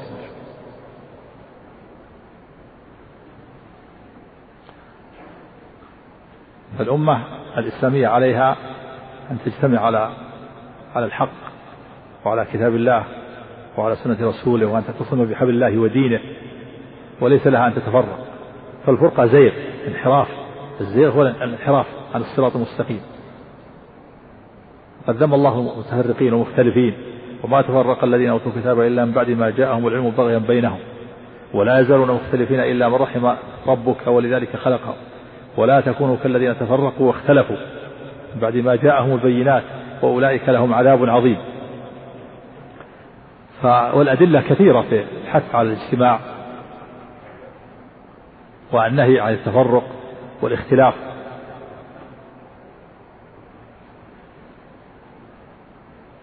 عليكم بالجماعة والعامة والمسجد فإنما يأكل الذئب من الغنم القاصية. والاختلاف والافتراق في الأمة الإسلامية ينقسم إلى قسمين. اختلاف محمود مرحوم أهله وهو أن يقر المختلفون بعضهم بعضا في المسائل النظرية الاجتهادية ولا يلغي بعضهم على بعض. ومثاله التنازع الذي حصل للصحابة في خلافة عمر وعثمان في بعض مسائل الاجتهاد في بعض مسائل الاجتهاد فيقر بعضهم بعضا ولا يعتدي ولا يعتدى عليه. أما الاختلاف المذموم فهو ألا يقر المختلفون بعضهم بعضا بل يبغي بعضهم على بعض إما بالقول مثل تكفيره وتفسيقه وإما بالفعل مثل حبسه وضربه مثل حبسه أو ضربه أو قتله. ومثال ذلك الذين امتحنوا الناس بخلق القرآن فإنهم ابتدعوا بدعة وكفروا من خالفهم فيها واستحلوا منع حقه وعقوبته. والناس تجاه ما خفي عليهم مما بعث الله به رسوله قسمان عادلون وظالمون. فالعادلون يعملون بما وصلوا إليه من آثار الأنبياء ولا يظلمون غيرهم. لا بكفر لا بكفره ولا بتفكيره ولا لا بتكفيره ولا بتفسيقه ولا بحبسه ولا بضربه ولا بقتله. بل يقر بعضهم بعضا في المسائل النظرية الاجتهادية. وكالمقلدين لأئمة العلم وهم عاجزون عن معرفة الحكم. فجعلوا أئمتهم نوابا عن الرسول صلى الله عليه وسلم. فالعادل منهم لا يظلم الآخر ولا يعتدي عليه لا بقول ولا بفعل. كأن يدعي أن قول مقلده هو الصحيح بلا حجة يبديها ويذم من خالفه مع أنه معذور. والظالمون الذين يعتدون على غيرهم بقول أو فعل وأكثرهم يظلمون مع علمهم بذلك. وهؤلاء ذمهم الله في كتابه فقال وما تفرق الذين أوتوا الكتاب إلا من بعد ما جاءهم العلم باغيا بينهم. أنواع الافتراق والاختلاف في الأصل.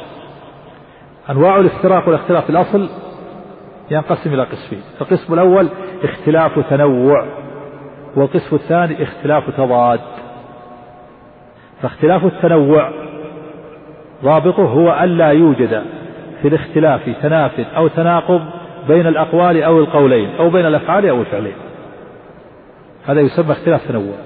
والثاني اختلاف تضاد وهو أن يوجد في الاختلاف تناف أو تناقض بين الأقوال أو القولين أو بين الأفعال أو الفعلين. النوع الأول اختلاف التنوع وهو الذي لا يحصل لا يوجد اختلاف ولا تنافي ولا تناقض بين الأقوال أو القولين أو بين بين الأفعال أو الفعلين. له أمثلة. من أمثلته أو له أنواع. الأول ما يكون كل واحد من القولين أو الفعلين حقا مشروعا. مثاله القراءات التي اختلف فيها الصحابة حتى زجرهم النبي صلى الله عليه وسلم وقال كلاكما محسن. ثانيا اختلاف الأنواع في صفة الأذان والإقامة والاستفتاح ومحل سجود السهو والتشهد وصلاة الخوف. وتكبيرات العيد ونحو ذلك مما قد شرع جميعه. وإن كان بعض أنواعه أرجح أرجح وأفضل. ثانيا الثاني ما يكون كل من القولين هو في المعنى القول الآخر لكن العبارتان مختلفتان. مثال ذلك الاختلاف في مرجع الضمير. في قول الله تعالى كان الناس أمة واحدة. إلى قوله ليحكم بين الناس. كان الناس أمة واحدة فبعث الله نبينا مبشرين ومنذرين وأنزل معه الكتاب بالحق ليحكم بين الناس. ففيه آراء ثلاثة. في مرجع الضمير. قيل الضمير راجع إلى الله وقيل راجع إلى الكتاب وقيل راجع إلى الرسول والمعنى واحد. أي ليحكم الله أو الرسول بما جاء عن الله أو ليحكم الكتاب المنزل من عند الله. ثانيا اختلاف كثير من الناس في ألفاظ الحدود وصوغ الأدلة والتعبير عن المسميات. هذا أيضا مثال. النوع الثالث من اختلاف التنوع الاختلاف في الفروع الاجتهادية الظنية. مثاله اختلاف سليمان وداود عليهما الصلاة والسلام في الحكم في الحرث الذي رعته الغنم. كما قال الله تعالى ففهمناها سليمان. ثم أثنى عليهما فقال وكلا آتيناه حكما وعلما. ثانيا الاختلاف في قطع الأشجار لبني النظير. لما حاصر النبي صلى الله عليه وسلم بني, بني النظير وهم طائفة من اليهود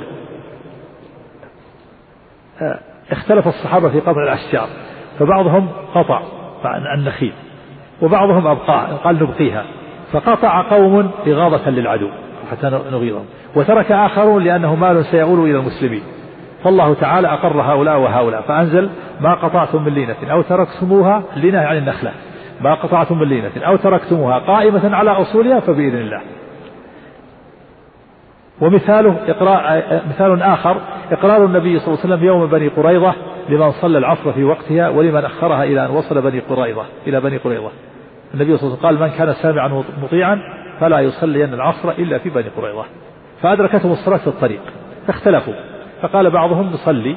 الرسول صلى الله عليه وسلم أراد منا الحث وقد حضر الوقت فصلقوا وقال آخرون لا نصلي حتى نصل إلى بني قريظة فلم يصلوا إلا بعد الغروب ولم يصلوا العصر إلا بعد الغروب. فأقر النبي صلى الله عليه وسلم هؤلاء وهؤلاء.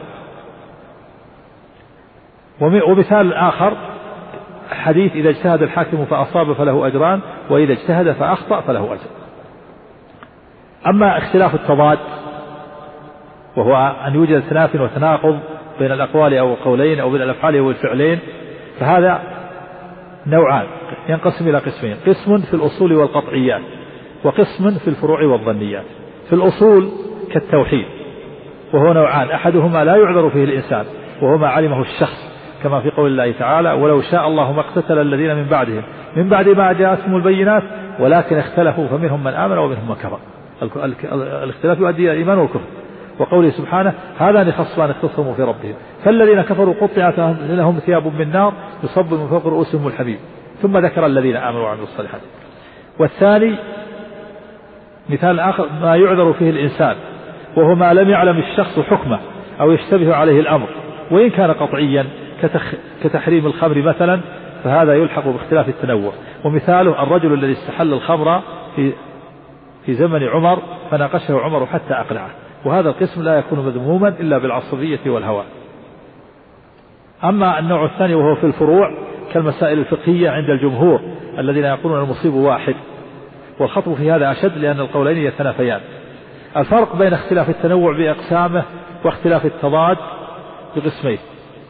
الفرق بينهما أن اختلاف التنوع هو ما حمد فيه كل واحدة من الطائفتين إذا لم يحصل بغي من إحداهما والذم فيه واقع على من بغى على الآخر. وقد دل القرآن على حمد كل واحدة من الطائفتين إذا لم يحصل منهما أو أحدهما بغي. على الأخرى كما في الأمثلة السابقة ما قطعتم من لينة أو تركتموها قائمة على أصولها فبإذن الله. ففهمناها سليمان وكلا آتينا حكما إقرار النبي صلى الله عليه وسلم صلى العصر في بني في وقتها أو في بني قريظة. حديث إذا اجتهد الحاكم فأصاب فله أجران وإذا اجتهد فأخطأ فله أجر. وأما اختلاف التضاد فهو ما حمد فيه إحدى الطائفتين وذمة الأخرى كما في الأمثلة السابقة.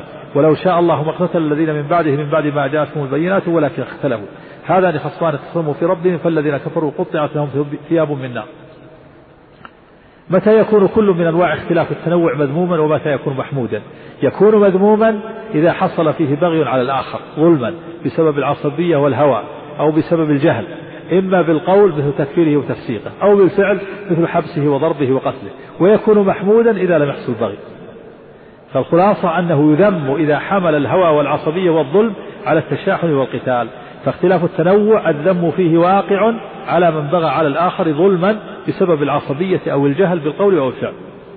أي القسمين الاختلاف فيه يؤول إلى البدع بين الأمة وإلى سفك الدماء واستباحة الأموال والعداوة والبغضاء وما سبب ذلك؟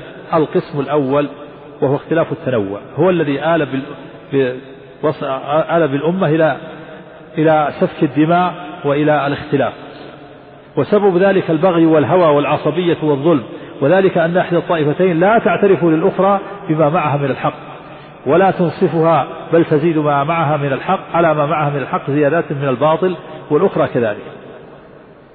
قال تعالى الدليل قال تعالى وما اختلف الذي وما اختلف الذين أوتوه إلا من بعد ما جاءتهم البينات بغيا بينهم والبغي مجاوزة الحد. ومن السنة حديث أبي هريرة رضي الله عنه ذروني ما تركتكم فإنما هلك من كان قبلكم بكثرة سؤالهم واختلافهم على أنبيائهم. فإذا نهيتكم عن شيء فاجتنبوه وإذا أمرتكم بأمر فأتوا منه ما استطعتم.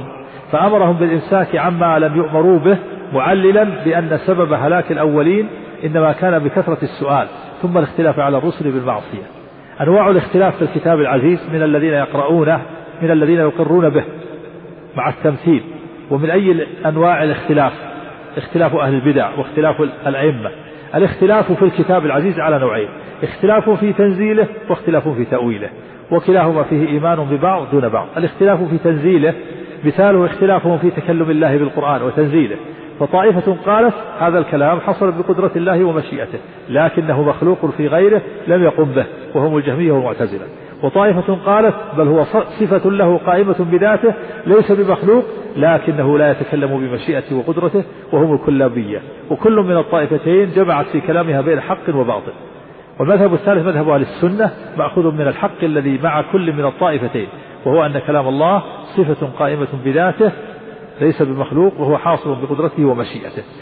ثانيا الاختلاف في تأويله. يكون في الأصول ويكون في المسائل الفقهية ويكون في القدر. يكون في يكون في في المسائل الفقهية كالاختلاف في قوله والذين هم للزكاة فاعلون. هل المراد بها تطهير النفس أو زكاة المال؟ وكذلك والاختلاف في القدر مثاله اختلاف في نصوص القدر كحديث عمرو بن شعيب عن أبيه عن جده قال خرج رسول الله صلى الله عليه وسلم على أصحابه ذات يوم وهم يختصمون في القدر. هذا ينزع بآية وهذا ينزع بآية فكأنما فقئ في وجهه حب الرمان من شدة الغضب. فقال أبهذا أمرتم أم بهذا وكلتم؟ أن تضربوا كتاب الله بعضه ببعض. أما الاختلاف بين الأئمة في المعنى كاختلافهم في الأقرى هل هي الحيض أو الأطهار فليس ضربا لكتاب الله. وأما اختلاف أهل البدع فهو اختلاف في تأويله. موقف أهل البدع مما يوافق رأيهم من الآيات وما يخالفه وما الذي يحكم به عليهم مع الاستدلال. وهل يشارك أهل البدع في ذلك من عمل بما فهم من القرآن وتوقف فيما اشتبه عليه مع التوجيه والاستدلال؟ أهل البدع يقرون بما يوافق رأيهم من الآيات وما يخالفه فلهم فيه طريقان. أحدهما أن يتأولوه تأويلا يحرفون به الكلمة عن مواضعه. الثاني أن يقولوا هذا متشابه لا يفهمه أحد فيجحدوا ما أنزل الله. الحكم عليهم تأويلهم للمعنى أو جحدهم له بناء على أنه متشابه هو في معنى الكفر به. أي المعنى أي في معنى في معنى الكفر به أي المعنى. إذا الإيمان باللفظ بدون معنى هو من جنس إيمان أهل الكتاب. الاستدلال قال الله تعالى مثل الذين حملوا التوراة ثم لم يحملوها كمثل الحمار يحمل أسفارا. يعني في عدم الفهم والعمل أو بعدم العمل فقط. وقال تعالى ومنهم أميون لا يعلمون الكتاب إلا أماني أي إلا تلاوة من غير فهم معناه. ولا يشارك أهل البدع في هذا المؤمن الذي عمل بما فهم من القرآن ووكل علم ما اشتبه عليه إلى الله لأنه ما نفى أن يفهمه العالم ولأنه امتثل ما أمر ما أمر به النبي صلى الله عليه وسلم بقوله فما عرفتم منه فاعملوا به وما جهلتم منه فردوه إلى إلى عالمه. نعم. ودين الله في الأرض والسماء واحد وهو دين الإسلام. قال الله تعالى إن الدين عند الله الإسلام. وقال تعالى ورضيت لكم الإسلام دينا. نعم. وهو بين الغلو والتقصير وبين التشبيه والتعطيل وبين الجبر والقدر وبين الأمن والإياس. أعد توصل ودين, ودين الله في الأرض والسماء واحد وهو دين الإسلام. نعم هذا في, في بيان بين المؤلف رحمه الله توسط دين الإسلام وأن دين الإسلام وسط بين الأديان وبين الملل الأخرى. وهو دين الإسلام وسط بين اليهودية وبين النصرانية حق. وهو عام لكل زمان. فالدليل على عموم دين الإسلام لكل زمان قول الله تعالى إن الدين عند الله الإسلام وقوله ورضيت لكم الإسلام دينا وقوله عز وجل ومن يبتغي غير الإسلام دينا فلن يقبل منه. و ومن السنة ما في الصحيح عن أبي هريرة رضي الله عنه عن النبي صلى الله عليه وسلم أنه قال إن معاشر الأنبياء ديننا واحد. فدين الإسلام واحد. دين الأنبياء واحد. دين الإسلام هو دين هو دين آدم وهو دين نوح وهو دين هود وهو دين صالح ودين شعيب ودين إبراهيم ولوط وموسى وعيسى ومحمد وجميع الأنبياء عليهم الصلاة والسلام. والمراد بدين الله الذي هو عام في كل زمان ومكان معناه العام الشامل لجميع أديان الأنبياء وذلك راجع لأصول العبادات. فدين الإسلام هو دين الأنبياء جميعا لأن أصوله واحدة. وهو توحيد الله في أفعاله وفي أفعال العباد والإيمان به سبحانه وبأسمائه وصفاته ونفي الشرك والبعد عنه. فالاتفاق فالأنبياء كلهم اتفقوا في أصول العبادات من توحيد الله في ألوهيته وربوبيته وأسمائه وصفاته. والإيمان بالأنبياء وتعظيم الأنبياء وتعظيم الأوامر والنواهي. هذا هو دين الإسلام. أما بمعناه العام أما دين الإسلام بمعناه الخاص فهو خاص بما جاء به محمد صلى الله عليه وسلم من الشريعة حيث اختلفت الفروع. فالأنبياء دينهم واحد. كما قال إن إن معاشر الأنبياء كما قال النبي صلى الله عليه وسلم إن معاشر الأنبياء ديننا واحد إخوة لعلات ديننا واحد. فدين الأنبياء واحد بمعنى الأنبياء كلهم جاءوا بالتوحيد كلهم جاءوا أمروا بتوحيد الله. في أسمائه وصفاته وربوبيته. كل الأنبياء جاءوا بالإيمان بالله وملائكته وكتبه ورسله واليوم الآخر والقدر خيره وشره. كل الأنبياء نهوا عن الشرك. كل الأنبياء أمروا بطاعة الله ورسوله وبطاعة الله. كل الأنبياء أمروا بامتثال الأوامر واجتناب النواهي. كل الأنبياء أمروا بطاعة, بطاعة الأنبياء والرسل. أما الشرائع فإنها تختلف. كل شريعة تختلف عن عن الأخرى. الحلال والحرام. مثلا في شريعة آدم تختلف الشرائع. في شريعة آدم يجوز للإنسان أن يتزوج أخته التي جاءت في بطن غير البطن غير البطن الذي جاء فيه. أخته التي تحرم عليه لأن حواء كانت تأتي بذكر وأنثى. فأخته التي جاءت معه في بطن واحد هذه حرام عليه. لكن أخته التي في بطن سابق أو لاحق حلال له. حتى تكاثر الناس. ثم بعد ذلك حرم زواج الأخت. في شريعة يعقوب يجوز الجمع بين الأختين. في شريعتنا لا يجوز. إذا الشرائع تختلف. لكل جعلنا منكم شرعة. قال الله تعالى لكل جعلنا منكم شرعة ومنهاجا. لكن أصول الأصول واحدة. أصول أصول الدين واحدة. كل الأنبياء جاءوا بالتوحيد أمروا بالتوحيد. كل الأنبياء نهوا عن الشرك. كل الأنبياء أمروا بتع... جاءوا بتعظيم الأوامر وترك النواهي. فدين الإسلام في زمن نوح توحيد الله والبعد عن الشرك والعمل بما جاء به آدم من الشريعة.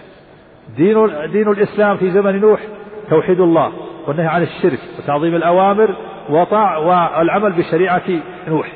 دين الله في زمن هود توحيد الله وطاعة الأنبياء وتعظيم الأوامر والنهي عن الشرك والعمل بشريعة هود. وهكذا كل حتى ختموا بنبينا محمد صلى الله عليه وسلم فصار دين الإسلام بمعناه العام توحيد الله والنهي عن الشرك وتعظيم الأوامر وبمعناه الخاص ما جاء به محمد صلى الله عليه وسلم من الشريعة. ومعنى تنوع فمعنى تنوع الشرائع معناه أن تفاصيل الدين والتكاليف من الأوامر والنواهي تختلف من شريعة لأخرى كالاختلاف في بعض الواجبات والمحرمات ودليل ذلك قول الله تعالى لكل جعلنا منكم شرعة ومنهاجا. أصل هذا الدين وسنده وفروعه. الدين هو ما شرعه الله تعالى لعباده على ألسنة رسله. وأصل هذا الدين وفروعه روايته عن الرسل بالوحي ولا يكون بالعقل. ظهور دين الإسلام وسهولة تعلمه وإمكان الدخول فيه بأقصر زمان ودليل ذلك من الكتاب والسنة. الإسلام ظاهر غاية الظهور. يمكن كل مميز من صغير وكبير وفصيح وأعجمي وذكي وبليد أن يدخل فيه بأقصر زمان الأدلة قال تعالى ولقد يسرنا القرآن للذكر فهل من مدكر. وقال سبحانه فإنما يسرناه بلسانك. ومن السنة قوله عليه الصلاة والسلام إن هذا الدين يسر. وقوله عليه الصلاة والسلام بعثت بالحنيفية السمحة. وقال عليه الصلاة والسلام تركتكم على البيضاء ليلها كنهارها. وكان الوافد الوفد الوافد إلى رسول الله صلى الله عليه وسلم يتعلم الدين ثم يولي في وقته. فالدين يتعلمه الإنسان بأقصر وقت. يتشهد شهادة الحق. ويشهد الله بالوحدانية ولنبيه بالرسالة فيدخل في الإسلام. ويلتزم. يدخل الإنسان في في هذا الدين بأقصر وقت بلحظة. كما أنه يخرج من الدين بأقصر زمان. ولذلك أمثلة كثيرة منها إنكار كلمة من القرآن ككلمة التوحيد يخرج من الإسلام. أو تكذيب لله أو لرسوله أو لما جاء به الله ورسوله يخرج عن الإسلام. أو معارضة لله أو لرسوله أو لما جاء به الله أو رسوله. أو ارتياب في قول الله وقول رسوله. أو كذب على الله وعلى رسوله. أو رد لما أنزل الله أو لما جاء به رسوله. أو شك فيما نفى الله عنه الشك فيخرج من الإسلام. بأقصر زمان. يدخل فيه بأقصر زمان ويخرج فيه بأقصر زمان. والحكمة في اختلاف تعليم الناس في اختلاف تعليم النبي صلى الله عليه وسلم للناس في بعض الألفاظ مراعاة مراعاة الأحوال. من مراعاة حال من يتعلم. فإن كان الشخص الذي يأتي إلى النبي صلى الله عليه وسلم بعيد الوطن كضمام بن ثعلبة النجدي ووفد عبد القيس علمهم ما لا يسعهم جهله ويوصل إليهم من يفقههم فيما يحتاجون إليه مع علمه بأن دينه سينتشر في الآفاق.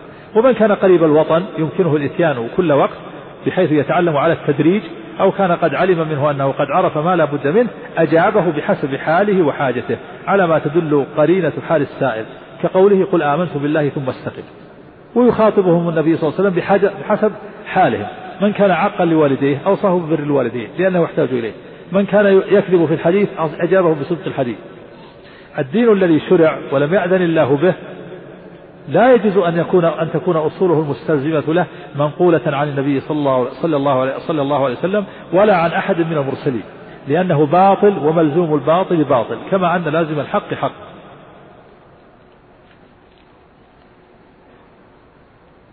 ودين الإسلام وسط بين الغلو والتقصير. دين الإسلام وسط. أقرأ العبارة وهو بين الغلو والتقصير. نعم وبيان كون دين الإسلام وسطا بين الغلو والتقصير. مثال ذلك غلو النصارى في عيسى. النصارى غلوا في عيسى حتى جعلوه إلها وقالوا ابن الله.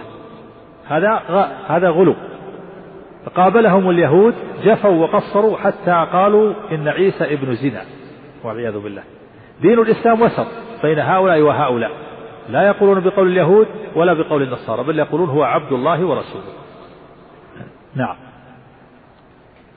ومثال ذلك أيضا شخص شخص يغلو في العبادة ويرهق نفسه في فعل النوافل وآخر يفرط في العبادة ويضيعها فلا يصوم لله ولا يصلي. دين الإسلام وسط. وهو الإتيان بالعبادة كما أمر الله من غير إرهاق ولا تفريط. والأدلة على تحريم الغلو من الكتاب. قول الله تعالى قل يا أهل الكتاب لا تغلوا في دينكم غير الحق. وقال سبحانه يا أيها الذين آمنوا لا تحرموا طيبات ما أحل الله لكم ولا تعتدوا.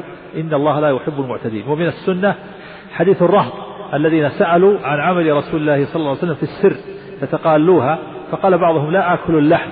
وقال بعضهم لا أتزوج النساء. وقال بعضهم لا أنام على فراش. فلما بلغ ذلك النبي صلى الله عليه وسلم أنكر عليهم وقال لكني أصوم وأفطر وأنام وأقوم وآكل اللحم. وأتزوج النساء فمن رغب عن سنتي فليس مني. نعم. وبين التشبيه والتعطيل. دين الإسلام وسط بين التشبيه والتعطيل. توضيح ذلك مثلا المشبهة ويتزعمهم داود الجواربي وجماعته وهشام بن الحكم الكندي وهشام بن سالم الجوالقي. غلوا في التشبيه فقالوا سمع الله كسمعنا وبصره كبصرنا. حتى قال داود إن الله بكى واشتكت عيناه فعادته الملائكة. والعياذ بالله. وقابلهم المعطلة من المعتزلة والجهمية. بالغوا في التنزيه فعطلوا الله من صفاته وأسماءه. فنفت المعتزلة الصفات ونفت الجهمية الأسماء والصفات والحق الوسط مذهب أهل السنة وهو أن يوصف الله بما وصف به نفسه وبما وصفه به رسوله من غير تشبيه كما تقول المشبهة ومن غير تعطيل كما تقول المعطلة إثبات من غير غلو وتنزيه من غير غلو. إثبات بلا تشبيه وتنزيه بلا تعطيل.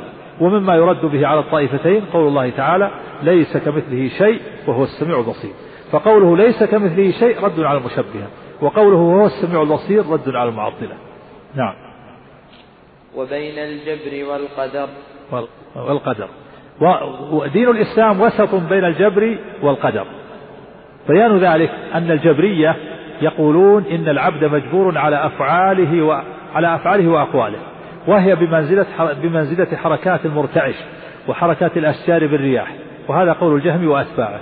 والقدرية قالوا إن أفعال الله مخلوقة إن أفعال العبد مخلوقة له وإن الله لم يقدرها ولم يردها والحق الوسط مذهب أهل السنة أن الأفعال هي فعل العبد وكسبه وهي خلق الله تعالى.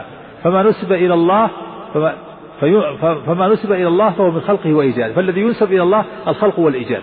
والذي ينسب إلى العبد الكسب والاختيار والمباشرة. نعم. وبين الأمن والإياس. بيان كون الإسلام وسط بين الأمن والإياس. توضيح ذلك. الأمن من مكر الله هو عدم الخوف من الله ومن عقوبته فيسترسل في المعاصي ويأمن مغبتها وإثمها وشرها. واليأس روح من واليأس من روح الله هو القنوط من رحمة الله. وإساءة الظن بالله فهو لا يرجو ثواب الله ومغفرته ورحمته بل هو يائس قارط متشائم مسيء الظن بالله عز وجل. ودين الإسلام يحكم بكفر من يئس من روح الله. قال تعالى إنه لا ييأس من روح الله إلا القوم الكافرون.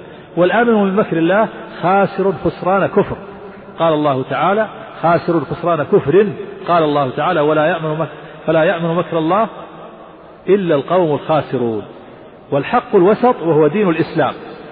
بين الأمن واليأس وهو أن يكون العبد خائفا من عذاب الله راجيا رحمته وأن الخوف والرجاء بمنزلة الجناحين للطائر وأن الخوف والرجاء للعبد بمنزلة الجناحين للطائر في سيره إلى الله تعالى والدار الآخرة. إذا دين الإسلام وسط بين الأمن واليأس. الأمن ليس من دين الإسلام واليأس ليس من دين الإسلام. نعم. فهذا ديننا واعتقادنا ظاهرا وباطنا. نعم هذا يعني ما سبق هو ديننا واعتقادنا ظاهرا وباطنا. ما قرره معتقد أهل السنة والجماعة وما دلت عليه النصوص يقول نعتقده دينا وظاهرا باطنا وظاهرا. ما يكون لنا باطن لنا ظاهر كما يفعل الباطنية. الباطنية لهم ظاهر ولهم باطن. يفسرون النصوص بشيء يخالف ظاهرة. فمثلا الباطنية يقول الصلوات الخمس الصلاة لها باطن ولها ظاهر. فظاهرها الصلوات الخمس يصليها الناس.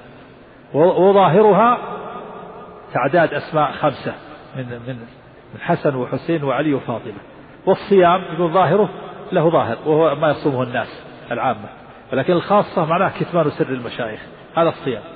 والحج له باطن وظاهر. ظاهره حج الناس إلى بيت الله الحرام. وباطنه الحج إلى قبور المشايخ. هذا هذا الباطنية لهم باطن ولهم ظاهر. الشيخ يقول لا هذا اعتقادنا باطن وظاهر. ما عندنا باطن يخالف الظاهر. فالظاهر يوافق الباطن والباطن يوافق الظاهر. هذا ديننا واعتقادنا. ليس لنا باطن يخالف الظاهر كما تفعله الباطنية. نعم. ونحن براء إلى الله من كل من خالف الذي ذكرناه وبيناه. يقول نخالف كل ما قرناه في هذه العقيدة الطحاوية ما خالفه نبرأ إلى الله منه. و... فنحن براء منه لا نعتقده ولا نعمل به. نعم. ونسأل الله تعالى أن يثبتنا على الإيمان ويختم لنا به. آمين. هذا دعاء. نعم دعاء عظيم. ونسأل ونسأل الله. نعم. ونسأل الله تعالى أن يثبتنا على الإيمان ويختم لنا به. آمين. ويعصمنا من الأهواء المختلفة والآراء المتفرقة. نعم ونسأل الله أن يعصمنا من الفتن والضلال ونسأل الله أن يثبتنا على دينه وأن يجنبنا الأهواء والبدع والأهواء المردية المضلة. نعم. والمذاهب الردية مثل مثل المشبهة والمعتزلة. والمذاهب إيش؟ الردية ها؟ والمذاهب الردية. الردية. ها؟ والمذاهب الردية. الرديئة ضد الجيد يعني سيئة المذاهب السيئة نعم. ويعصمنا من الأهواء المختلفة والآراء المتفرقة والمذاهب الردية. نعم. مثل المشبهة والمعتزلة والجهمية والجبرية والقدرية وغيرهم. نعم هذه خمس طوائف.